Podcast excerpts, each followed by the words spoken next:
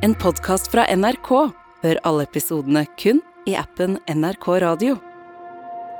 I en liten kommune i Trøndelag er det en helt spesiell sak som ryster og splitter bygda. Kommuneoverlegen, som har vært en kjent og kjær fastlege i over to tiår, er sikta for overgrep. Og de han skal ha forgrepet seg på, er sine egne pasienter. Vi får jevnlige og daglig eh, nye navn som vi bør ta kontakt med, og som vi eh, sannsynligvis også vil få en rolle i saken. Hva var det som skjedde på legekontoret i den lille kommunen i Trøndelag? Nå spør det splitta bygdefolket seg om det virkelig kan stemme. Og om hvordan han skal ha klart å holde på så lenge uten at det fikk noen konsekvenser. Du hører på Oppdatert. Jeg heter Gry Veiby. Dette er jo en eh, veldig spesiell og alvorlig sak, som eh, handler om en mann som i utgangspunktet er veldig respektert i den lille bygda. Han har jo hatt en god standing og høy stjerne, og det har gjort saken mer vanskelig for dem som har varsla. Så saken splitter bygda og rammer et helt eh, lokalsamfunn. Vanja Holst, du er gravejournalist i NRK Trøndelag, og er blant dem som har jobba mest med denne saken. Hvorfor er den så spesiell? Fordi beskyldningene mot legen strekker seg helt tilbake til 90-tallet.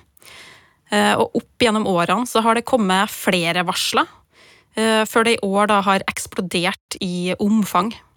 Så per i dag så har politiet fått inn 55 anmeldelser mot mannen og beskyldningene er alvorlige i flere av sakene. Så det er viktig å påpeke at han nekter straffskyld. Og nå er altså legen sikta av flere varsler og klager, og en av dem dreier seg om en klage fylkesmannen i Trøndelag mottok i august i 2017. En klage som fikk de ansatte til å reagere, for den dreide seg om den respekterte fastlegen og kommuneoverlegen, som de fleste visste hvem var. Klagen var skrevet av ei 17 år gammel eh, jente som hadde hatt denne mannen som fastlege hele livet. I klagen så skriver hun at eh, hun dro til legen for å sjekke en kul på håndleddet, eh, og at legen deretter skal ha tatt henne nedover ryggen, på rumpa og låret, og kommentert kroppen hennes. Og helt nederst i brevet til Fylkesmannen så hadde jenta skrevet at hun trygt kunne si at hun ikke var den eneste som hadde følt seg ubekvem etter eh, legebesøket hos denne fastlegen. Altså så hadde hun da ganske direkte sagt at hun visste om andre som hadde lignende opplevelser. Og det her var jo veldig alvorlige anklager, så fem dager etter at fylkesmannen fikk dette varselet, så oppretta de en såkalt lokal avklaringssak mot legen. Og hva var det? Ja, eh, de mente at eh, saken kunne løses eh, lokalt. Altså da i form av at legen og pasienten, denne 17 år gamle jenta, skulle ha det som fylkesmannen omtalte som en oppklarende samtale. I tillegg så ba de han om å sende en redegjørelse etter samtalen. Eh, Fylkesmannen eh, sa også at eh, dersom det her løste seg med samtalen, så kom de ikke til å ta saken videre. Så de foreslo altså at legen skulle kalle inn 17-åringen som hadde klaget på han. Og noen uker seinere så fikk fylkesmannen et brev fra legen, der han skrev at han hadde snakka med jenta, og at samtalen hadde gått bra. Ja, ifølge legen så gjorde den det. Legen skrev da at eh, de to møttes ansikt til ansikt, og at han hadde forklart da om undersøkelsen. Og i brevet så skrev han også at han syntes det virka som at 17-åringen tok informasjonen til etterretning. Og noen dager etter at de fikk brevet, så anså de den som løst, og valgte å avslutte hele saken. Og De neste åra gikk det bra for legen, og han ble en av de mest anerkjente legene i fylket. Men så, før jul i fjor, viste det seg at det fortsatt var noe som skurra. For i november 2021 så skulle det dumpe inn nok et varsel til Fylkesmannen, som nå hadde endra navn til Statsforvalteren. Det var ei eh, dame som fortalte at hun kom inn til fastlegen og ville sjekke en kul i brystet og smerter i magen. I løpet av den timen eh, så skal hun ha endt opp i gynekologstolen, helt naken. Eh, hun skal også ha reagert på at legen ikke brukte hansker, og at hun måtte stå på alle fire oppå en benk. Og denne gangen så ble det oppretta en tilsynssak mot legen. Men Vanja, hva sa legen selv til det som kom fram i varselet? Legen sa at dama ønska undersøkelse av annet underliv. Han eh, erkjente at hun var helt eh, naken, og forklarte det her med at eh, det var en spesiell dag i kommunen med koronautbrudd, og at stresset og smittesituasjonen kan ha påvirka hans konsentrasjon. Hmm. Så det var eh, begrunnelsen for at pasienten måtte være helt naken. Statsforvalteren syntes saken var så alvorlig at de nå sendte det videre til neste instans, nemlig Helsetilsynet. Og da ble det klart at det hadde kommet flere varsler på denne legen tidligere. Ja. I 2006, altså 15 år før, fikk eh, Helsetilsynet en eh, telefon fra en lege ved et sykehus i Trøndelag legen var bekymra etter å ha hatt tre kvinnelige pasienter til gynekologiske undersøkelser.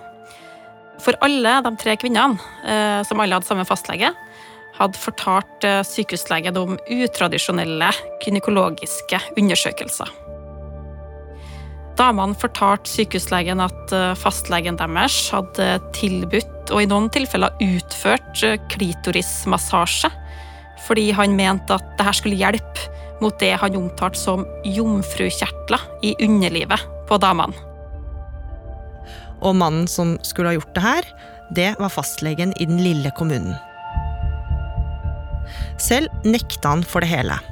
Men pga. bekymringa fra sykehuslegen så hadde Helsetilsynet oppretta en tilsynssak, som året etter, i 2007, hadde endt med at kommuneoverlegen fikk en advarsel. Så da det dumpa inn nok et varsel på legen i 2022, som kom på toppen av det som kom i november året før, så begynte det å gå slag i slag. I midten av juli valgte Helsetilsynet å midlertidig trekke tilbake legelisensen hans. Og det merka jo flere av innbyggerne i kommunen, for nå kunne han ikke lenger jobbe som fastlege. Nei, for han var jo faktisk fastlege til omtrent halvparten av innbyggerne i kommunen. Eh, og nå begynte ryktene å gå. Samtidig kom det også inn flere varsler mot legen. Flere varsla om det de omtalte som grisete kommentarer. En i slutten av tenårene skulle ha fått høre at hun var velskapt nedentil, at hun var flink med barberinga, og at underlivet så jomfruelig ut. Nå valgte kommunen å ta saken ett steg videre. For ikke bare hadde kommuneoverlegen potensielt forsømt jobben sin som lege, men om det han ble anklaga for stemte, så var det jo også kriminelt. Og nå var kommunen sikker på at eh, det de hadde fått inn til nå, var mer enn nok til at de eh, følte at de måtte gå til politiet. Og det fikk konsekvenser. 24. august i år tok politiet ut siktelse mot eh, kommuneoverlegen for å ha misbrukt stillinga si til å skaffe seg seksuell omgang. Og nå begynte det å murre i bygda, og det ble tydelig at folk var splitta. Noen tok avstand fra fastlegen, mens andre tok han i forsvar, Vanja. Ja, mannen hadde jo vært fastlege til ganske mange i denne bygda over flere år. Eh, han var populær, godt likt, familielege til flere. Han var kjent for å være veldig direkte, og flere likte det, mens andre reagerte sterkt. Ifølge kilder så skal det ha blitt snakka om denne mannen i flere år eh, blant folk på stedet. Om at han eh, ofte skal ha fått dama opp i gynekologstolen uten at det skal ha vært behov for det. NRK har dokumentasjon som viser at den siktede legen er den fastlegen i Trøndelag som har gjennomført flest gynekologiske undersøkelser i perioden 2014 til 2021. Og mens bygda ble mer og mer splitta, så begynte kommunen å spørre seg hvor mange denne legen kunne ha begått overgrep mot. De frykta det verste, og nå gjorde de noe helt spesielt. Samme dag som kommuneoverlegen ble sikta, så oppretta kommunen en varseltelefon, der de som mente at de har vært utsatt for noe ugreit, kunne ringe. Men kommunen kunne ikke drifte denne eh, telefontjenesten sjøl. For det hadde vist seg at eh, en del av personene eh, som hadde varsla, var folk som også jobba i kommunen. Derfor så ble telefontjenesten satt ut til NOK, som da er et lavterskel hjelpetilbud for overgrepsutsatte. Og responsen de fikk, var overveldende. Bare noen uker etter at politiet hadde tatt ut siktelse, så ble det kjent at flere titalls personer hadde ringt.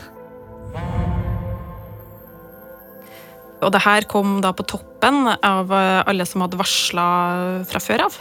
Eh, og nå hadde det da kommet historier fra damer i, i alle aldre. Det var da stort spenn i hva man fortalte. Hva vil du si om omfanget av denne saken? Ja, det har jo potensial for å bli en ganske stor sak, men det gjenstår å se da, i forbindelse med etterforskninga hva som eh, ender opp i en straffesak, og hva som eventuelt håndteres utenfor straffesak. Og nå, Vanja, har over 80 personer ringt denne telefonen, og linja er fortsatt åpen. Politiet har oppretta 55 anmeldelser mot kommuneoverlegen som dreier seg om hendelser som går over flere år. Og det veldig mange spør seg om nå, er hvis alt det her stemmer, hvordan kan det ha pågått så lenge? Ja, og det er jo det som er det store spørsmålet, og som alle klør seg i hodet over nå. Uansett hvordan denne saken ender, så er det jo grunn til å gå nøye gjennom hvordan offentlige instanser har håndtert sakene opp gjennom årene. Eh, vi vet jo nå at Helsetilsynet ikke bare holder på med tilsynssaken mot legen, eh, men at de også vurderer tilsynssak mot kommunen. Eh, vi vet jo at det har blitt begått feil, annet har jo statsforvalteren innrømt det her i saken med, med 17-åringen. Hva skjer videre i saken nå? Politiet etterforsker nå saken mot kommuneoverlegen og har avhørt alle damene som har tatt kontakt så langt. Politiet har ønska å vente med å avhøre legen, bl.a. pga. at de har venta på at damene som har anmeldt, skal oppheve taushetsplikten sånn at legen kan snakke fritt og ikke være redd for å bryte taushetsplikten. Så får vi jo se hva etterforskninga konkluderer med. Men det er jo klart at dette er en sak som preger den lille bygda. Eh, damer som var pasienter, har nå plutselig blitt en del av en straffesak mot denne kommuneoverlegen, som har vært blant de mest populære i fylket.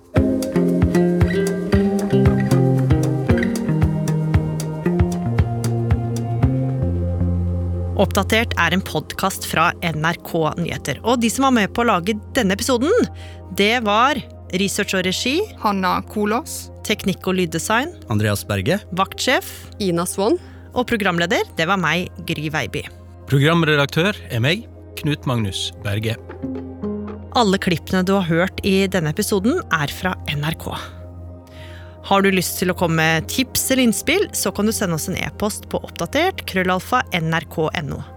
Og liker du det du hører, så må du gjerne tipse en venn eller to om oss. En podkast fra NRK. Jeg tenker at sosiale medier kan være Altså når det er kaldt, da. Du fryser i hjel. Det fins en internett, og det fins en internatt. Ok, Velkommen til Trygdekontoret. Det har lenge tenkt sånn at som ateist så må jeg bare prøve å bli med en sekt. altså. Jeg elsker å lage fest, f.eks. Så En god sekt forlenger livet? Ja, det gjør det. altså, det der med at mennesker trenger sosial kontakt, det er bare piss. Trygdekontoret hører du først i appen NRK Radio.